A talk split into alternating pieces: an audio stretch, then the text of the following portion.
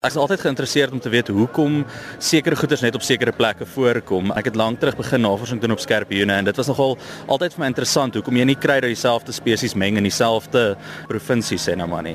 En uh goederes soos hoogte bo see speel en so aan was nog 'n faktor en dit was vir my baie interessant om te sien dat die verkleermannetjies ook so verskriklik fragmented is en dit maak hulle juist dan so verskriklik vulnerable want van hulle kom in woude voor wat net soos 250 hektaar groot is en ek bedoel as daai woud uitgekap word dan is die spesies daarmee reën.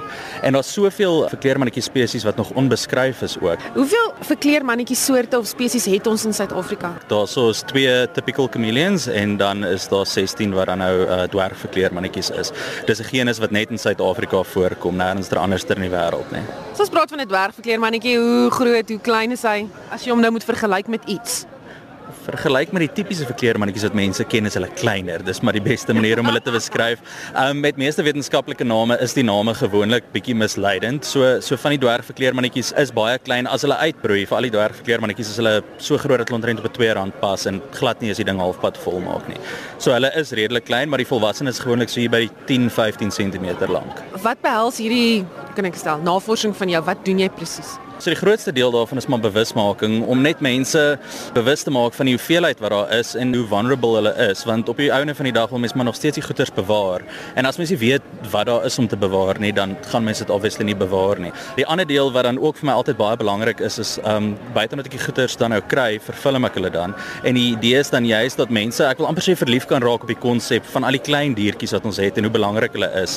En ek hoop regtig dat die films voel mense iets want as mens iets voel dan dan gee mens 'n bietjie meer meer om en op die einde van die dag is dit wat die verskil maak. Uh, Mense moet mense se houding verander om om conservation toe te pas. En dis daai emosie wat net die die mooiheid van die natuur en die omgewing waar hulle voorkom wat wat dan op die einde van die dag mense se aksie verander teenoor die natuur. Mm. Waar gaan jy hierdie films publiseer of die navorsing, die foto's wat jy neem? Ek het al van die foto's gesien, baie mooi. Ja. Maar gaan jy dit iewers publiseer? Gaan mense dit kan sien? Waar kan hulle dit gaan kyk? Die hele projek wat ek doen, doen ek alles deur social media onder JF De Villiers Wildlife and Travel Photographer.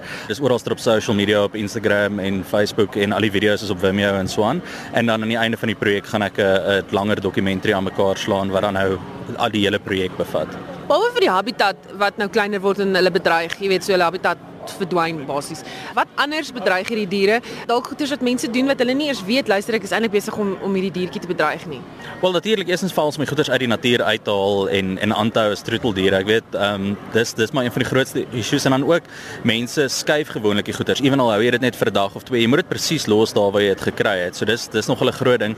Maar die habitatvernietiging en climate change is maar so groot ding dat daar is nie iets anders te wat kon kompeteer daarmee. Ehm um, een van die goeters wat mense nogal ernstig wat bietjie meer 'n mite is. Ek weet in die Wes-Kaap glo die mense vas elke bottel wyn het 'n paar verkleermannetjies in want dit val daarin. Daar's actually goeie toetse en navorsing gedoen om te kyk hoeveel verkleermannetjies kom actually in die wingerde voor en hoe sterk kan die verkleermannetjies vashou as as die drywe nou afgeskit word en so aan en dit is toe wel bewys dat dit 'n uh, 'n mite is.